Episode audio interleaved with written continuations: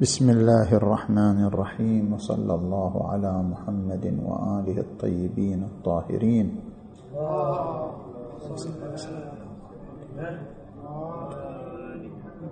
وصل بنا البحث إلى خلاصة الفلسفة الديالكتيكية.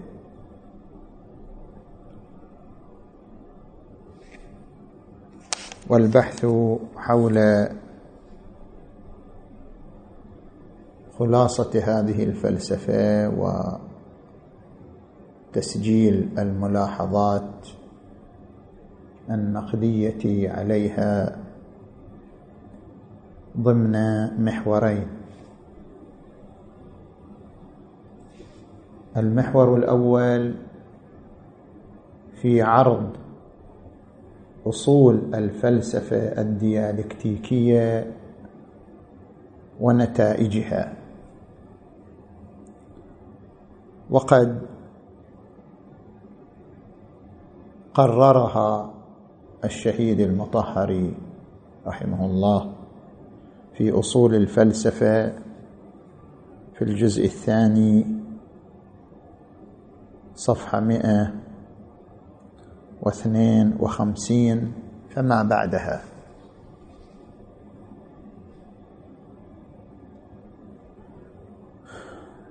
ما هي أصول الفلسفة الديالكتيكية وما هي نتيجتها؟ فهنا نقطتان. النقطة الأولى أصول الفلسفة الديالكتيكية أربعة. الأصل الأول تبعية الجزء للكل. وهذه الفكرة سبقت منا في البحث الماضي وقد عبر عنها السيد الشهيد السيد محمد باقر الصدر بالارتباط الوجودي العام. نفس الفكرة هنا عبر عنها تبعية الجزء للكل هناك عبر عنها بالارتباط الوجودي العام. ما معنى تبعية الجزء للكل؟ تبعية الجزء للكل بحسب ما ذكره ستالين في كتابه المادية الديالكتيكية والمادية التاريخية. قال إن أي ظاهرة في الطبيعة لا يمكن فهمها منفردة من دون الأخذ بعين الاعتبار علاقاتها بسائر ظواهر الطبيعة. وذلك لأن الظواهر التي نتصورها في أي مجال من المجالات عندما ندرسها بعيدا عن بيئتها فإنها تتحول إلى أمر فاقد للمعنى. ما معنى هذا الكلام؟ معنى هذا الكلام أن كل ظاهرة فهي مرتبطة بالظواهر الأخرى. لا توجد ظاهرة من ظواهر الطبيعة مستقلة. كل ظواهر الطبيعة مترابطة. كل جزء من أجزاء الطبيعة مرتبط بالأجزاء الأخرى. فإذا كان هناك ارتباط وجودي بين كل الظواهر بين كل الأجزاء اذا بناء على هذا أي جزء من أجزاء الطبيعة أي ظاهرة من ظواهر الطبيعة لا يمكن لنا أن ندرسها لا يمكن لنا أن نعرفها لا يمكن لنا أن نحدد ما هي. لماذا؟ لأن كل ظاهرة من ظواهر الطبيعة إنما نستطيع معرفتها بعد معرفة سائر الأجزاء المرتبطة بها. سائر ظواهر الطبيعة المرتبطة بها. لا يمكن عزل ظاهرة عن الظواهر الأخرى فلا يمكن دراسة ظاهرة مستقلة عن شنو؟ الظواهر الأخرى. هذا ما يسمى بتبعية الجزء للكل. يعني مو فقط تبعية في الوجود بل تبعية حتى في المعرفة والإدراك. كل جزء من أجزاء الطبيعة مرتبط بغيره اذا لا يمكن معرفته إلا بمعرفة غيره من أجزاء الطبيعة. نجي إلى الأصل الثاني. الأصل الثاني هو أصل الحركة التكاملية الدائمة الشاملة للفكر. هذا ما سمي بأصل الحركة أو أصل التكامل. يقول فيه انجلز هذا إنجل كتبت أنت. انجلز كتب في ما نقله شيخ المطهر هنا عنه قال لا ينبغي لنا أن نتصور الوجود خليطا من أشياء ثابتة. يقول قمر ثابت وشمس ثابتة وأرض ثابتة وشجر وحجر كأنما الوجود أشياء ثابتة مبعثرة. لا هذا غير صحيح. لا ينبغي لنا أن نتصور الوجود خليطا من الأشياء الثابتة بل هو عبارة عن خليط من مسيرات تحولية. كل الوجود في حالة حركة في حالة تحول في حالة صيرورة من حالة إلى حالة. ليس هناك شيء اسمه ساكن شيء اسمه ثابت. خليط من مسيرات تحولية تبدو الموجودات ثابتة. إحنا نشوفها ثابتة لكنها ليست ثابتة بل هي ضمن مسيرات تحولية. طيب هذا الوجود بعد الفكر. بعد الإدراك شنو؟ يقول ها. وكذا انعكاسات هذه الموجودات في عقل الإنسان التي نسميها بالأفكار. يقول الأفكار ما هي إلا انعكاسات للوجود. فإذا الوجود مسيرات تحولية اذا الأفكار أيضا هي مسيرات تحولية. الأفكار أيضا تخضع لحركة الصيرورة والتحول والسيلان. فلا توجد لدينا فكرة ثابتة. كما لا يوجد لنا وجود ثابت لا يوجد لدينا فكرة ثابتة. كل فكرة فهي متحركة كما أن الوجود كله متحرك. ولكن الواقع هو أن هذه جميعا في حال حركة وتحول دائم مستمر. هذه عبرت أنا عنها هنا التي تعني خضوع كل موجود للحركة الدائمة حتى الأفكار في الذهن. هذا الأصل الثاني. نجي إلى الأصل الثالث. الأصل الثالث أصل القفزة. هذا بحثناه سابقا في كلمات السيد الشهيد الصادر بعنوان قفزات التطور. الآن هذا أيضا يذكر هناك كاصل من أصول الفكر الديالكتيكي يقول ستالين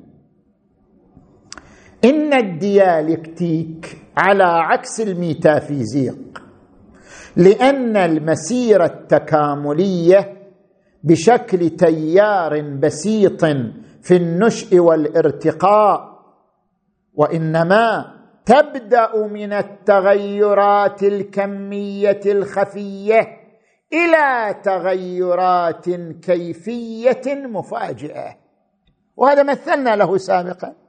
قلنا هذا الماء تخليه شنو؟ على النار.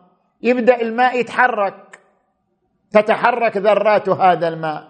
هذا التغير تغير كمي بشكل بطيء. بمجرد أن يصل إلى درجة 100 يتحول إلى تغير كيفي. يتحول إلى حالة غازية. كان تغيرا كميا تحول إلى تغير كيفي بشكل مفاجئ. أو هذا الماء نفسه تنزل درجة حرارته بشكل بطيء. هذا كله تغير كمي. بمجرد أن يصل إلى درجة الصفر يتحول إلى تغير كيفي وهو أن يصبح جليدا. هذا ما نعبر عنه بالقفزة أن التغير الكمي يصل إلى لحظة يتحول فيها إلى تغير كيفي بشكل مفاجئ. القفزة وتعني كما ذكر ستالين الانتقال من التغيرات الكمية إلى التغيرات الكيفية المفاجئة. هذا أصل أيضا من أصول الديالكتيك. نجي إلى الأصل الرابع. الأصل الرابع نزاع الأضداد. نحن قررنا أن الوجود كله يتحرك. وأن الحركة حركة تكاملية وأن هذه الحركة موجودة حتى في الفكر وأن هذه الحركة هي عبارة عن انتقال من تغيرات كمية إلى كيفية. كل أصل يتبع الأصل الثاني إلى أن وصل إلى الأصل الأخير. وهو جواب عن سؤال ما هو منطلق هذه الحركة؟ من أين جاءت هذه الحركة؟ هذه الحركة التكاملية على نحو القفزات. من أين جاءت؟ ما هو مبدأها؟ ما هو منطلقها؟ قال منطلقها نزاع الأضداد لأن كل وجود يحوي في أعماقه صراع النقائض والأضداد. وهذا الصراع بين النقائض والأضداد هو الذي يولد هذه الحركة التكاملية. يقول ستالين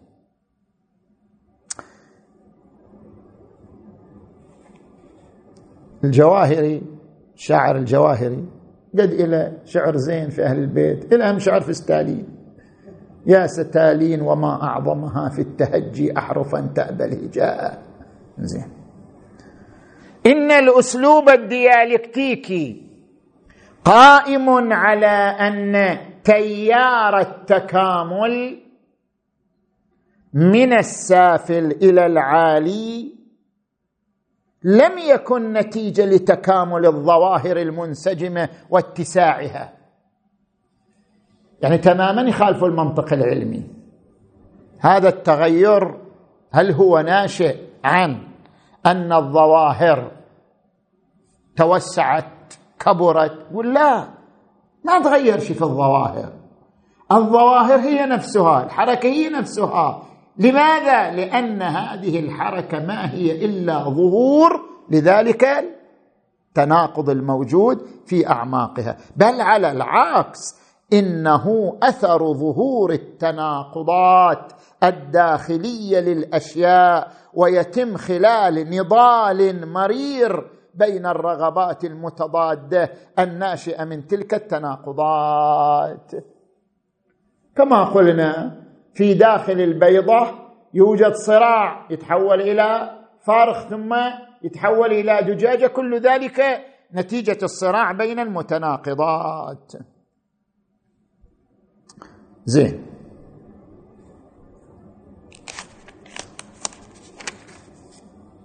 هذا كلام من ستالين. نجي إلى إنجلز. ماذا قال؟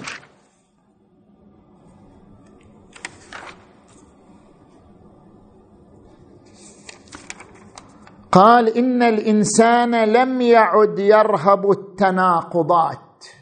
صارت التناقضات شيء عادي لأنها موجودة في كل شيء.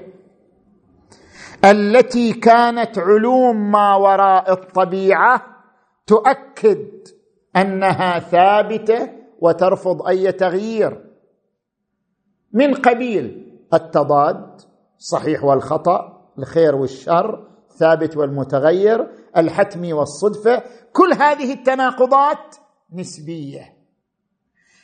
فما يعتبر اليوم صحيح له ناحية غير صحيحة مستترة وستظهر فيما بعد. وما يعد اليوم غير صحيح له ناحية صحيحة بسببها كان يعتبر صحيحا.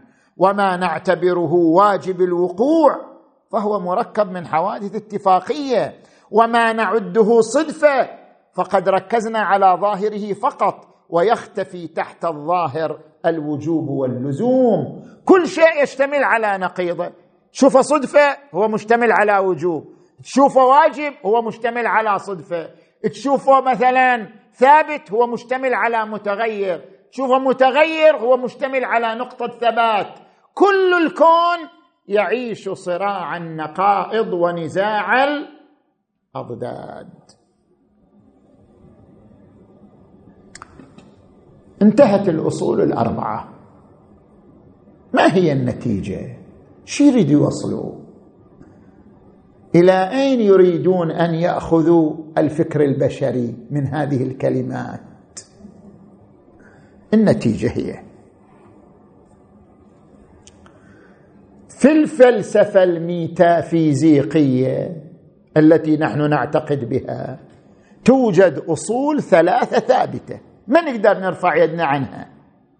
عندنا أصول ثلاثة ثابتة لا نستطيع رفع اليد عنها. ما هي؟ العينية الثبات امتناع التناقض. مثلا عندما نقول بأن الإنسان حي ناطق هذه فكرة هذه حقيقة. هذه الحقيقة تعيش ثلاثة أصول. عينية بمعنى أن الإنسان هو الإنسان وليس شيئا آخر. كل شيء عبرنا عنه سابقا بمبدأ الهوية. الآن نعبر عنه بمبدأ العينية هو نفسه. كل شيء هو هو وليس غيره. الإنسان هو الإنسان وليس نباتا ولا جمادا. الإنسان هو الإنسان وليس ملكا ولا جنا ولا الها. هذا مبدأ العينية والهوية. الأصل الثاني الثبات. هل هذه الفكرة تتغير بمرور الأيام؟ لا. هذه الفكرة تعبير عن الإنسان والإنسان حقيقة. اذا الفكرة حقيقة تبقى ثابتة. اذا الأصل الثاني هو الثبات.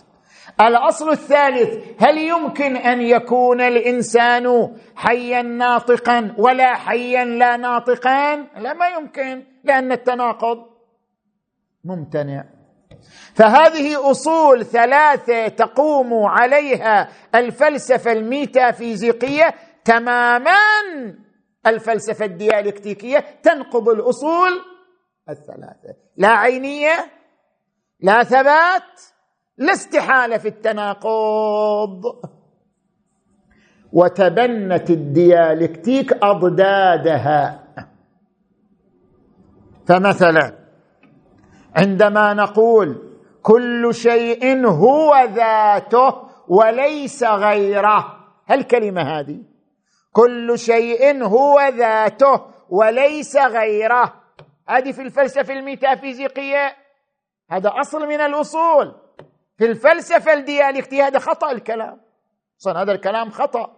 كل شيء هو ذاته وليس غيره. هذا خطأ. لما؟ لأنه يبتني على مبدأ العينية ومبدأ الثبات وامتناع التناقض. وماذا عندكم في هذه المبادئ الثلاثة؟ قالوا ها أما مبدأ العينية عبرت عنه هنا أنا مبدأ الهوية. أما مبدأ العينية إنما قالت به الفلسفة الميتافيزيقية لأنها تتصور أن الأشياء منفصلة في الذهن. الفلسفه الميتافيزيقية تقول تصور الإنسان غير تصور النبات تصور البياض غير تصور السواد تصور الموت غير تصور الحياة. لأنها ترى الأشياء في الذهن شنو؟ منفصلة. لذلك قالت بمبدأ العينية. كل شيء هو هو وليس غيره لأنها تتبنى انفصال الصور في عالم الذهن. وهذا يعني الأشياء منفصلة في عالم الذهن يتنافى مع مبدأ الارتباط الوجودي العام في الخارج والفكر. كما أن الخارج مسيرات تحولية الفكر أيضا مسيرات تحولية. اذا بالنتيجة ما عندنا فكرة منفصلة. كما أن كل ظاهرة في الخارج مرتبطة بسائر الظواهر كل فكرة في الذهن مرتبطة بسائر الأفكار. فليس عندنا هوية ولا عينية. زين. نجي إلى مبدأ الثبات. أنا عندما أقول الإنسان هو الإنسان يعني أنا أقول بالثبات. يقول لا هذا الثبات المبدأ اللي أنت تقوله ناشئ عن تصور أن الأشياء ساكنة. قاعدة في محلها قاعدة مستريحة يقولوا. وهي لا الأشياء مو ساكنة الأشياء دائما في حالة تغير. فبما أن الأشياء في حالة تغير فإذا ما عندنا فكرة ثابتة. فدعوى أن الأفكار ثابتة يتنافى مع قانون الحركة. زين. جينا إلى المبدأ الثالث امتناع التناقض.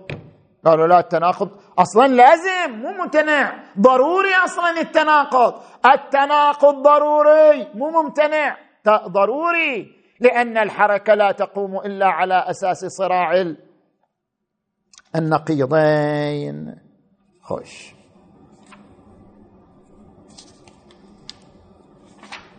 هذا كل المحور الأول. أوضحنا كلماتهم أوضحنا النتيجة. نجي الآن للمحور الثاني. ألا وهو عرض الملاحظات.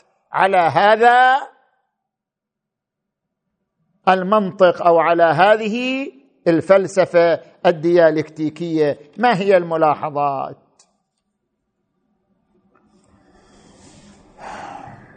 الملاحظة الأولى.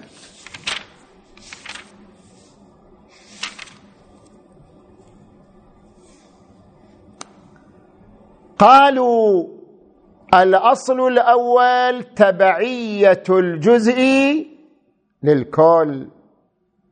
ويعني ماذا؟ يعني أن كل ظاهرة من الظواهر مرتبطة بغيرها من الظواهر.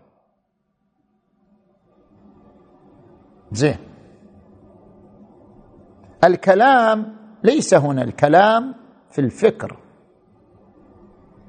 هل أن لكل وجود في عالم الطبيعة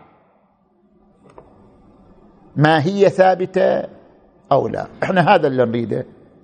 خلوا عالم الخارج قولوا عالم الخارج كل ظاهرة مرتبطة بغيرها من الظواهر. مو مشكلة عندنا هذا الكلام إحنا. ما عندنا مانع منه. الكلام الصور لهذا العالم. صورتي عن الإنسان صورة الإنسان في ذهني صورة النبات في ذهني صورة الحيوان في ذهني. هل هذه الصورة أيضا لا تعيش الثبات أم لا؟ الكلام في صور الأشياء. لهذا قلنا في الملاحظة الأولى إن هناك فرقا بين ماهية الشيء موجودة في الذهن المنتزع من حده الوجودي وبين واقع علاقاته مع الأشياء الأخرى. لا يمكن أن يوجد إنسان بدون علاقات. الإنسان عنده علاقة مع الطبيعة يأكل ويشرب منها هو منها وينتهي إليها. الإنسان له علاقة بالشمس يكتسب من حرارتها الحياة. الإنسان له علاقة بالنجوم يكتسب من ضوئها. طبيعي الإنسان له علاقات مع كل الأشياء. ولكن هل يمكن أن ننتزع من وجود الإنسان ماهية في الذهن نسميها حي ناطق أو ما يمكن؟ هذا هو جوهر البحث بعد إحنا نريد نصل إلى هذا. هل يمكن أن ننتزع ماهيه ثابتة للإنسان مع أن وجود الإنسان في الخارج وجود ضمن علاقات عديدة مع الطبيعة؟ نقول نعم هناك فرق بين الماهية وبين وجوده. هو وجوده ذو خيوط عديدة متعدد العلاقات ولكن الماهية له ماهيه ثابتة؟ كيف؟ خلنا نجي نحلل العلاقات. لماذا صار لوجود الإنسان علاقة مع الطبيعة؟ لماذا صار لوجود النار علاقة مع الماء؟ لماذا صار لوجود الماء علاقة مع الشمس؟ ليش هذه العلاقات؟ ما هو منشأ هذه العلاقات؟ منشأ هذه العلاقات التفاعل صح؟ هناك تفاعل بين النار وبين الماء. نتيجة هذا التفاعل تحرك الماء وصار تحول إلى حالة غازية. اذا العلاقات هي علاقة تفاعل والتفاعل هو عبارة عن تبادل التأثير والتأثر. النار تؤثر في الماء. الماء أيضا يؤثر في النار. أكو علاقة تأثير وتأثر متبادل بين الأشياء. فعلاقة التفاعل الموجودة هي علاقة التأثير والتأثر. طيب. لو سألنا سؤال لماذا صارت بينهما علاقة؟ ليش؟ لماذا بين النار وبين الماء علاقة؟ لماذا؟ لماذا صار هناك تفاعل بين النار وبين الماء؟ لماذا؟ لوجود خصوصية وجودية في النار وخصوصية وجودية في الماء. نتيجة هاتين الخصوصيتين حصل شنو؟ حصلت علاقة التأثير والتأثر. اذا اعترفنا أن هناك خصوصية لكل وجود. لو لم يكن للنار خصوصية ولم يكن للماء خصوصية ولم يكن للهواء خصوصية ولم يكن للتراب خصوصية. لما تفاعلت هذه الأشياء على نحو التأثير والتأثر نفس اعترافنا بأن الأشياء تتفاعل هو اعتراف ضمني بأن لكل شيء خصوصية تميزه. فبما أن لكل شيء خصوصية تميزه انتزعنا الماهية من تلك الخصوصية التي تميزه. إنسان إلى خصوصية تميزه انتزعنا منها ماهية الإنسان. النار لها خصوصية تميزها انتزعنا منها ماهية النار. الماء له خصوصية تميزه انتزعنا من تلك الخصوصية ماهية الماء. اذا فرق بين العالمين. تجي أنت تقول والله الأشياء كلها مرتبطة. ما معنى مرتبطة؟ يعني متفاعلة. والمفروض أن تفاعلها فرع خصوصياتها. لازم نرجع للخصوصيات. من تلك الخصوصيات انتزعنا الماهيات. فالماهية ثابتة لأن الخصوصية ثابتة. وإن كانت العلاقات متحركة وهي علاقة التأثير والتأثر. هذه المناقشة الأولى. المناقشة الثانية قالوا الفكر يخضع للحركة. حتى أفكارنا تتحرك. أنتم الآن جالسين في هذه المحاضرة وتسمعوا أفكار فكرة ورا فكرة والأفكار قاعدة تتحرك وليست ساكنة. نقول لا الفكر لا يخضع لقانون الحركة. وإن كان الفكر وجود لكن هذا الفكر لا يخضع لقانون الحركة. لماذا؟ لما يشهده الوجدان من ظاهرة التغاير والثبات بين الادراكات هذه سبق بحثها. أنا مثلا انتقشت في ذهني صورة الشجرة التي رأيتها مثلا. افترضوا رأيت شجرة في اسطنبول قبل مثلا ثلاثين سنة شجرة معينة.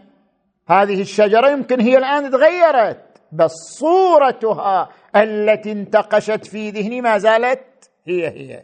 كلما تذكرت رجعت نفس الصورة. فإذا الصور الذهنية التي نعبر عنها بالفكر تعيش الثبات ولا تعيش الحركة.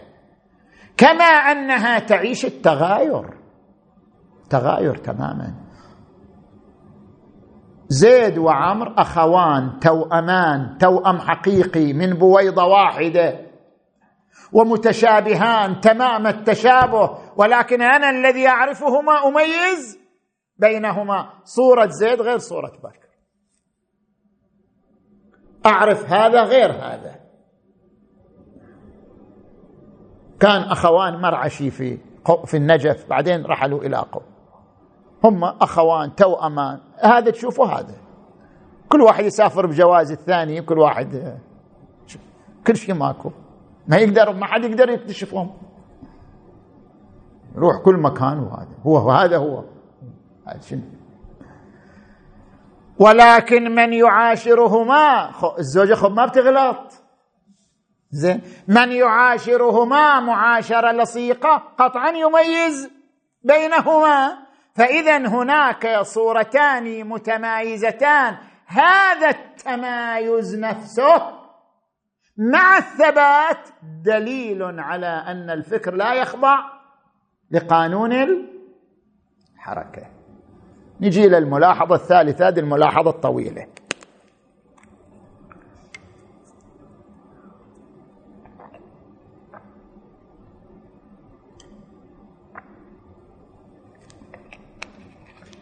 الفكر الديالكتيكي نقض أصلين مهمين من أصول الفلسفة وهما امتناع التناقض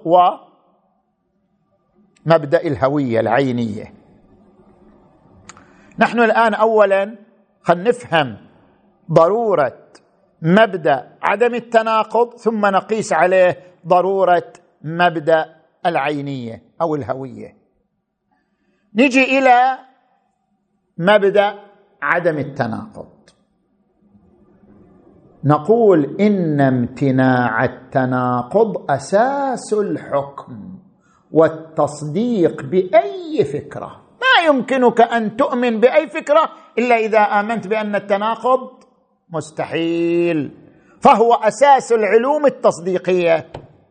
كل العلوم التصديقية التي تشتمل على حكم أساسها مبدأ عدم التناقض. فمثلا نجي إلى الأصول الأربعة. هم ذكروا أصول أربعة؟ هم ذكرنا في المحور الأول إن للفكر الديالكتيكي اصولا أربعة. كيف تتم هذه الأصول لولا مبدأ امتناع التناقض؟ لو لم يؤمن الديالكتيكيون بامتناع التناقض لصح لهم أن يقولوا الأصول الأربعية هي وهي ليست هي. صح لو لا؟ لكانت الأصول الأربعة هي وليست هي. ولو كانوا يقولون هكذا لما صار للفكر الديالكتيكي شنو؟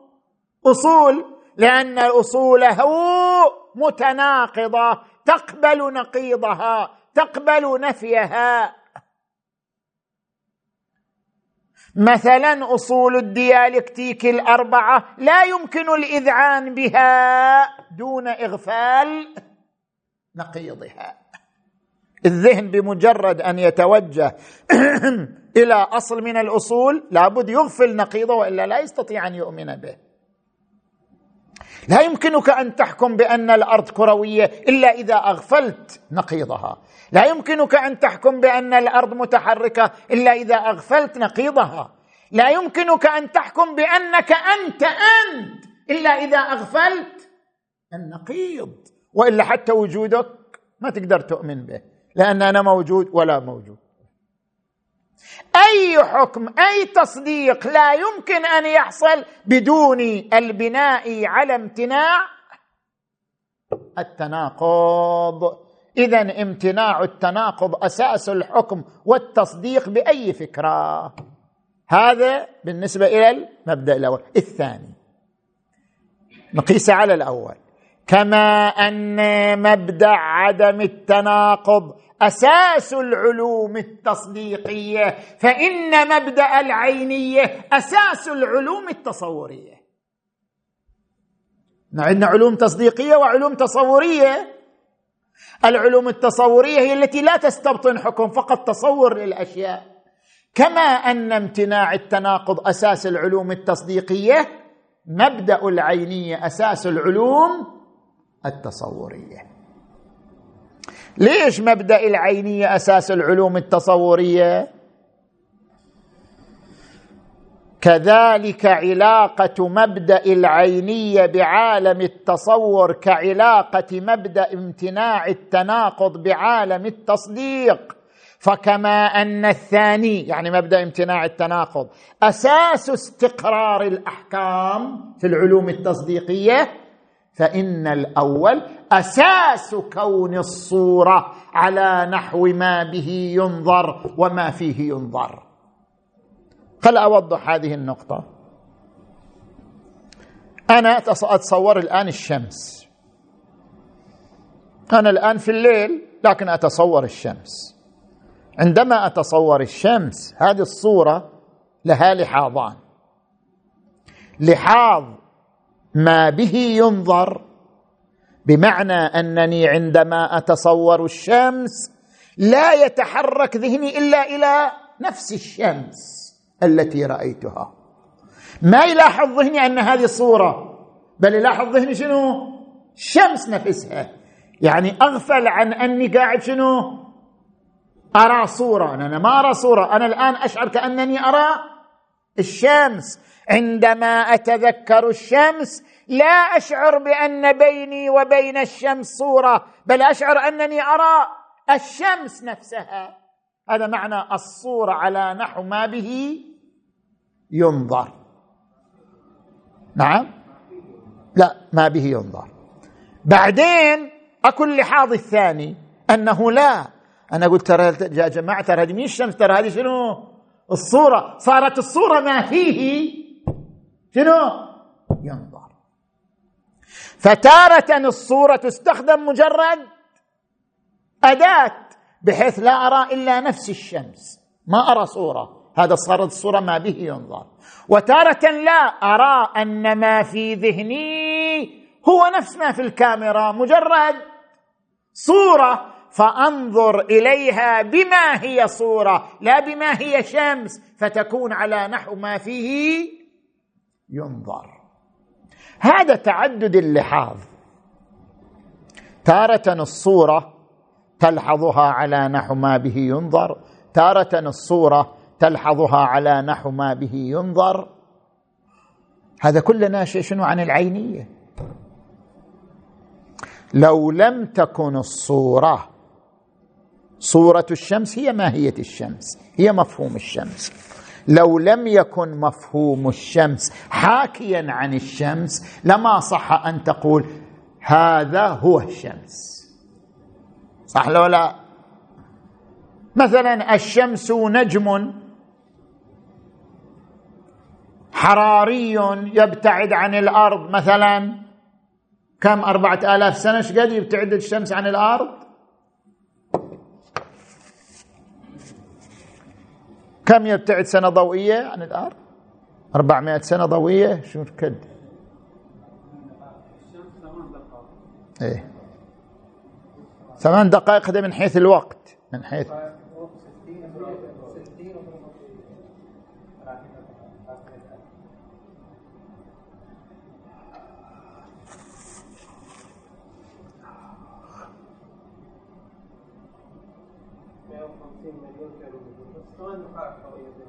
ما أسمع؟ إيه. 150 مليون كيلو. نعم. الشمس نجم حراري. يبتعد عن الأرض ثمان دقائق ضوئية. يعني 150 مليون كيلو متر طيب. هذه هي صورة الشمس في ذهني. ألا أستطيع أن أقول هذه هي الشمس؟ أستطيع أن أقول هذا المفهوم هو الشمس. كلمة هذا المفهوم هو الشمس هو معنى أنك لاحظت الصورة على نحو ما به ينظر. فلولا مبدأ العينية لما أمكنك أن ترى الصورة على نحو ما به ينظر. وكونك تستطيع أن ترى الصورة على نحو ما فيه ينظر دليل على أن مبدأ العينيه لا يزول إلا باللحاظ فقط. وإلا لولا اللحاظ لكنت تقول هذه هي الشمس لأن هذه صورة الشمس. زين.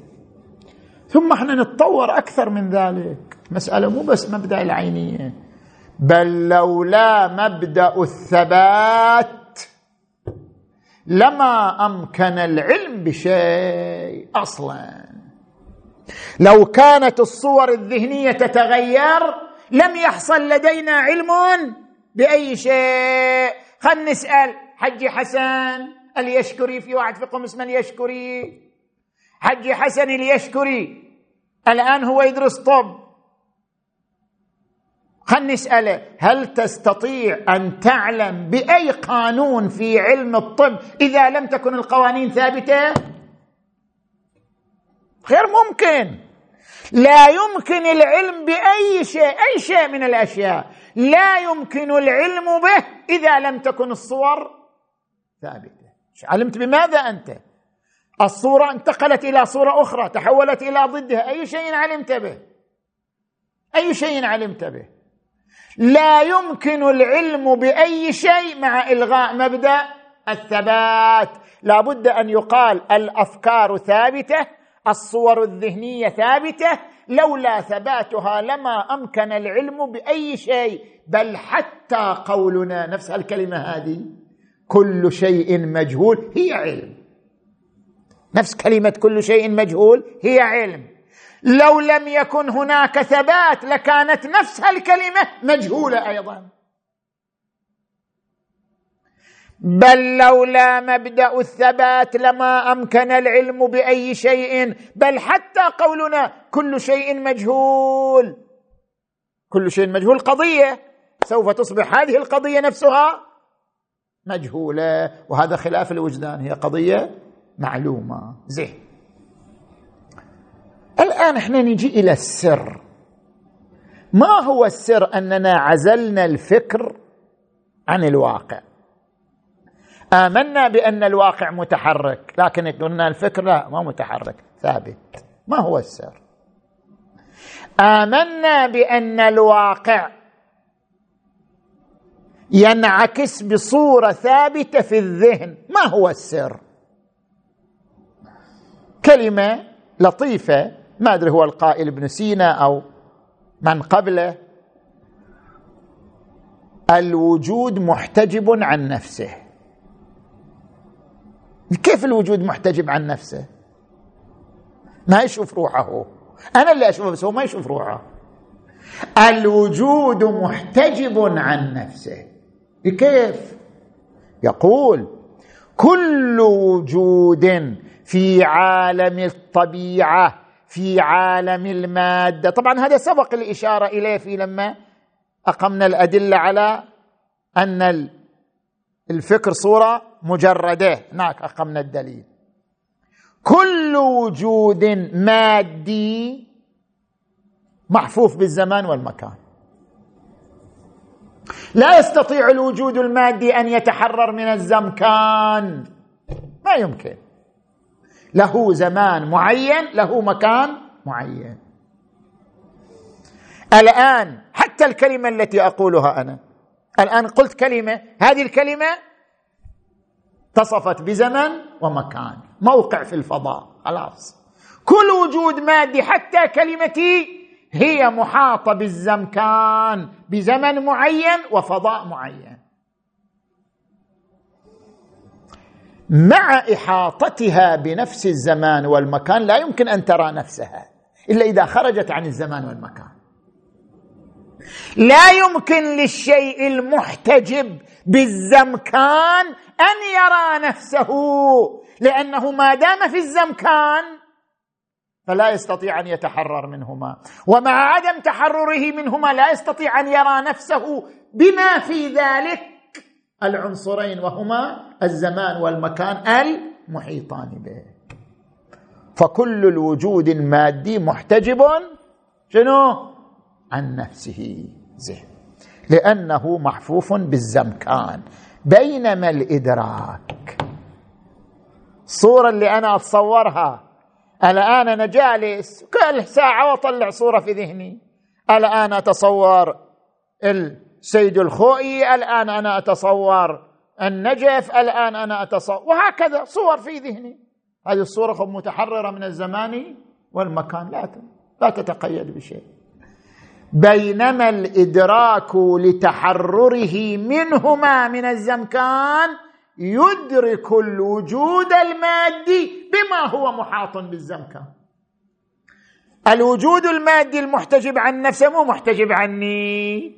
لأن الذي يمنعه عن رؤية نفسه كونه محاطا بالزمكان بينما إدراكي ليس محاطا بالزمكان. لذلك أدرك الوجود المادي بقيوده التي منها الزمان والمكان. هذا هو سر الفرق بين عالم الذهن وعالم الواقع المادي. كما أن الحركة لا تجتمع أجزاؤها في الوجود. ما يعقل ولا ما صارت حركة. الحركة في كل لحظة هي قوة وفعل. فلا يمكن أن تكون الحركة فعليتان في آن واحد. في كل واقف أنت قاعد تمشي على الأرض. كل خطوة على الأرض هي فعلية وقوة للخطوة التالية. فالحركة في كل لحظة هي قوة وفعل. لذلك لا تجتمع أجزاؤها في الوجود. لكن تجتمع أجزاؤها في شنو؟ في الذهن. أنا أجي أتخيل حركة فلان من دخل الحسينية إلى ان خرج منها. أتصور حركته بصورة واحدة. قد جمعت جميع أجزاء الحركة.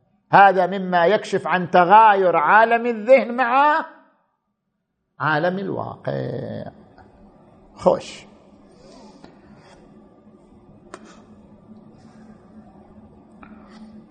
ربما واحد يقول هذا ما ذكرنا يعني في الذهن. ربما واحد يقول أنه إذا عالم الذهن شلون تعلمون بالأشياء؟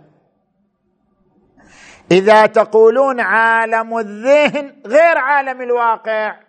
عالم الواقع محتجب عن نفسه عالم الذهن محيط. عالم الواقع حركة لا تجتمع أجزاؤها عالم الذهن محيط بالحركة. كيف إذا اعتبرتم عالم الذهن انعكاسا؟ للواقع وعلما؟ بالواقع. نقول إنما كان عالم الذهن انعكاسا للواقع وعلما بالواقع. لأن المتفرقات في عالم الوجود مجتمعات. في الذهن. مثل الآن الفيلم فيلم التصوير. صح ولا لا؟ الآن فيلم التصوير يصور لنا شنو؟ محاضرة تستغرق ساعة متفرقة الاجزاء متوزعة الكلمات لكن هذا الفيلم يجمعها كلها يجمعها كلها بعد ما يتم التصوير يجمعها الفيلم كلها في لحظة واحدة. ما هي متفرقات في عالم الوجود؟ مجتمعات في الصورة. فلذلك صار انعكاس لعالم الواقع. طبعا إحنا الآن ما نريد ندخل في ما ذكره نشتاي عن الزمان وما ذكره غيره عن الزمان وكيف أن الزمان آه، بذهننا أنه أشياء متفرقة وفي الواقع لا ليست متفرقة هذه نظريات أخرى ليس البحث الآن فيها. الآن على التصور الاولي نقول نعم الذهن انعكاس لأنه محيط بالمتفرقات في عالم الوجود. نجي إلى الملاحظة الرابعة. العينية أصل فطري. والدليل على أن العينية أصل فطري عندما نقول هذه الصورة هي هذه. الدليل على أن العينية أصل فطري يؤمن به الإنسان بفطرته أن إدراك العلاقه مع الأشياء فرع إدراك الذات. كما يقولون العرش ثم الناقش. اعرش بعدين انقش. ما يقولوا الأول لا؟ الاهل الأول يقولوا عرش بالتالي انقش. العرش ثم الناقش. أنت الآن تقول لكل وجود في الخارج علاقات. وهكذا تقول لكل وجود في الخارج علاقات. نفس هذه الكلمة تتضمن عنصرين ذات وعلاقات. ولولا أن له ذات لما صارت له شنو؟ علاقات. فإن إدراك العلاقة مع الأشياء فرع إدراك الذات. أدركت ذاته ثم أدركت علاقاته مع الأشياء الأخرى. فنفس هذا الإدراك هذا أمر فطري. أدركت أن هذا الشيء هو ومتفرعا عليه. مو بالضروري يكون التفرع زماني. تفرع شنو؟ رتبي. متفرعا عليه أدركت أن له علاقات مع الأشياء الأخرى.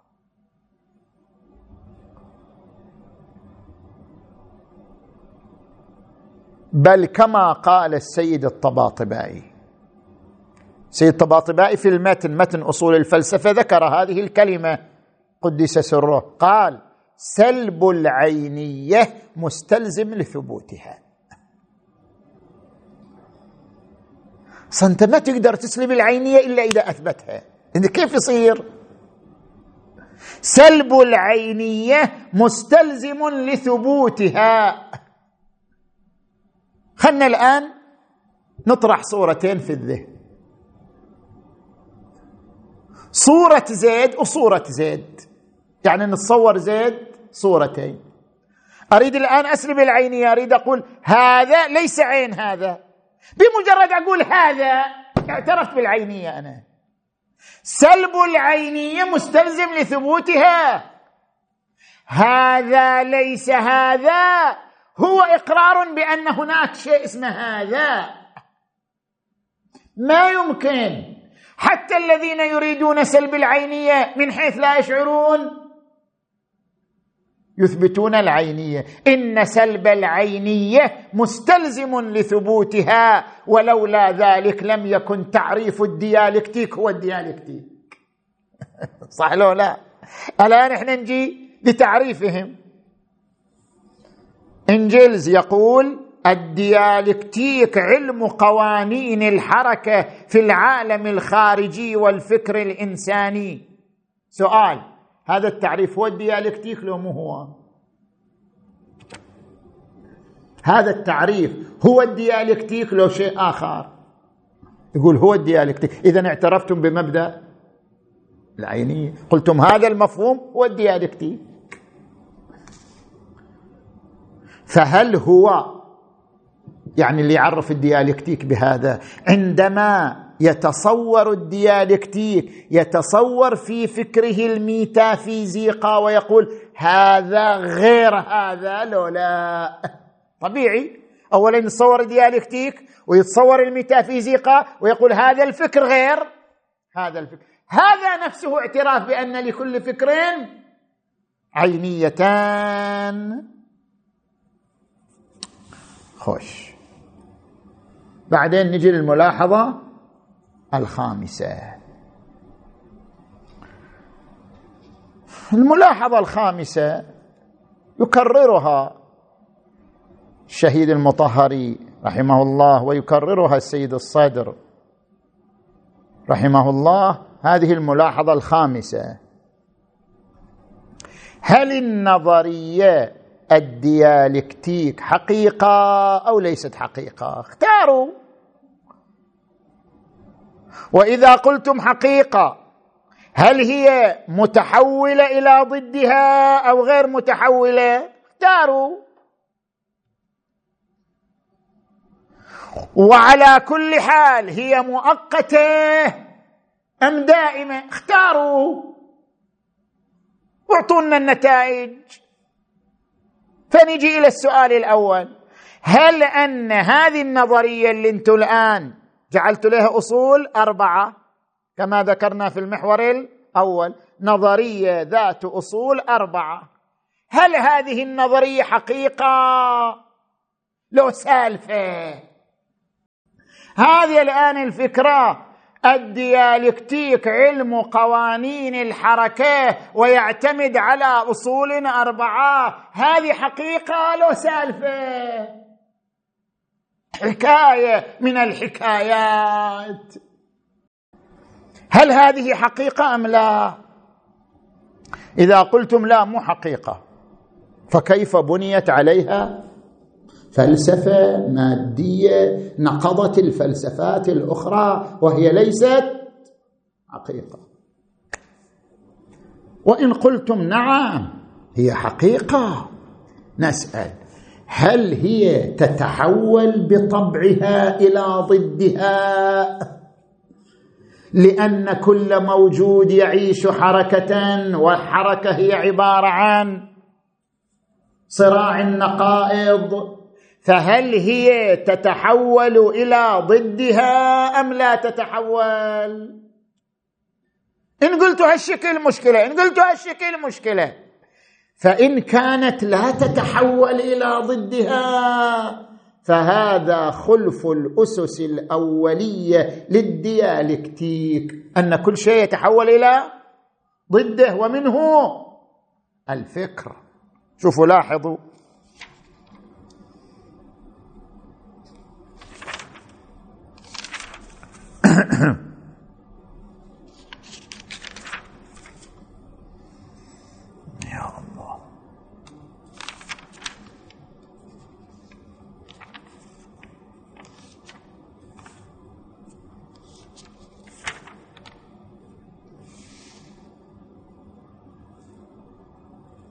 كان عندي قول هنا ما شفته الآن يبين هذه النقطة.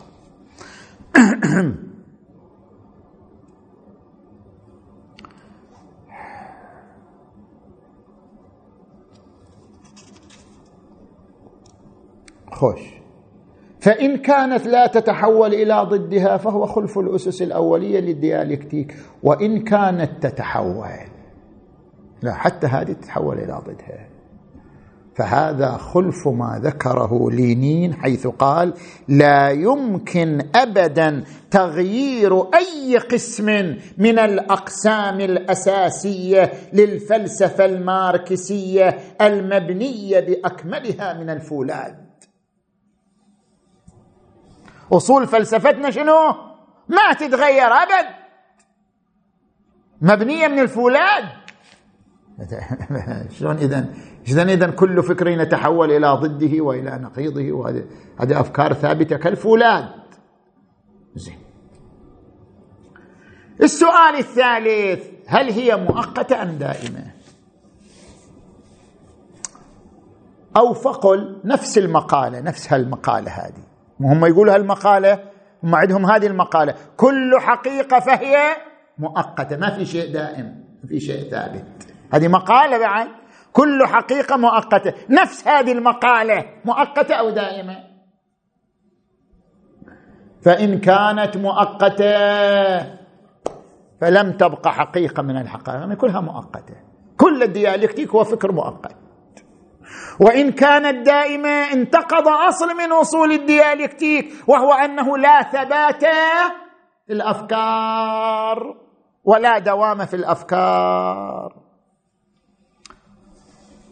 فإذا النتيجة إحنا انتهينا الآن من مناقشة المادية الديالكتيكية. ندخل في فصل آخر يتعلق بنظرية المعرفة وهو الفصل البحث عن الحقيقة. ما هي الحقيقة؟ وهل الحقيقة تقبل الخطأ أو لا تقبل الخطأ؟ هذا فصل مستقل نبحثه بعد أن انتهينا من هذا الفاصل. والحمد لله رب العالمين.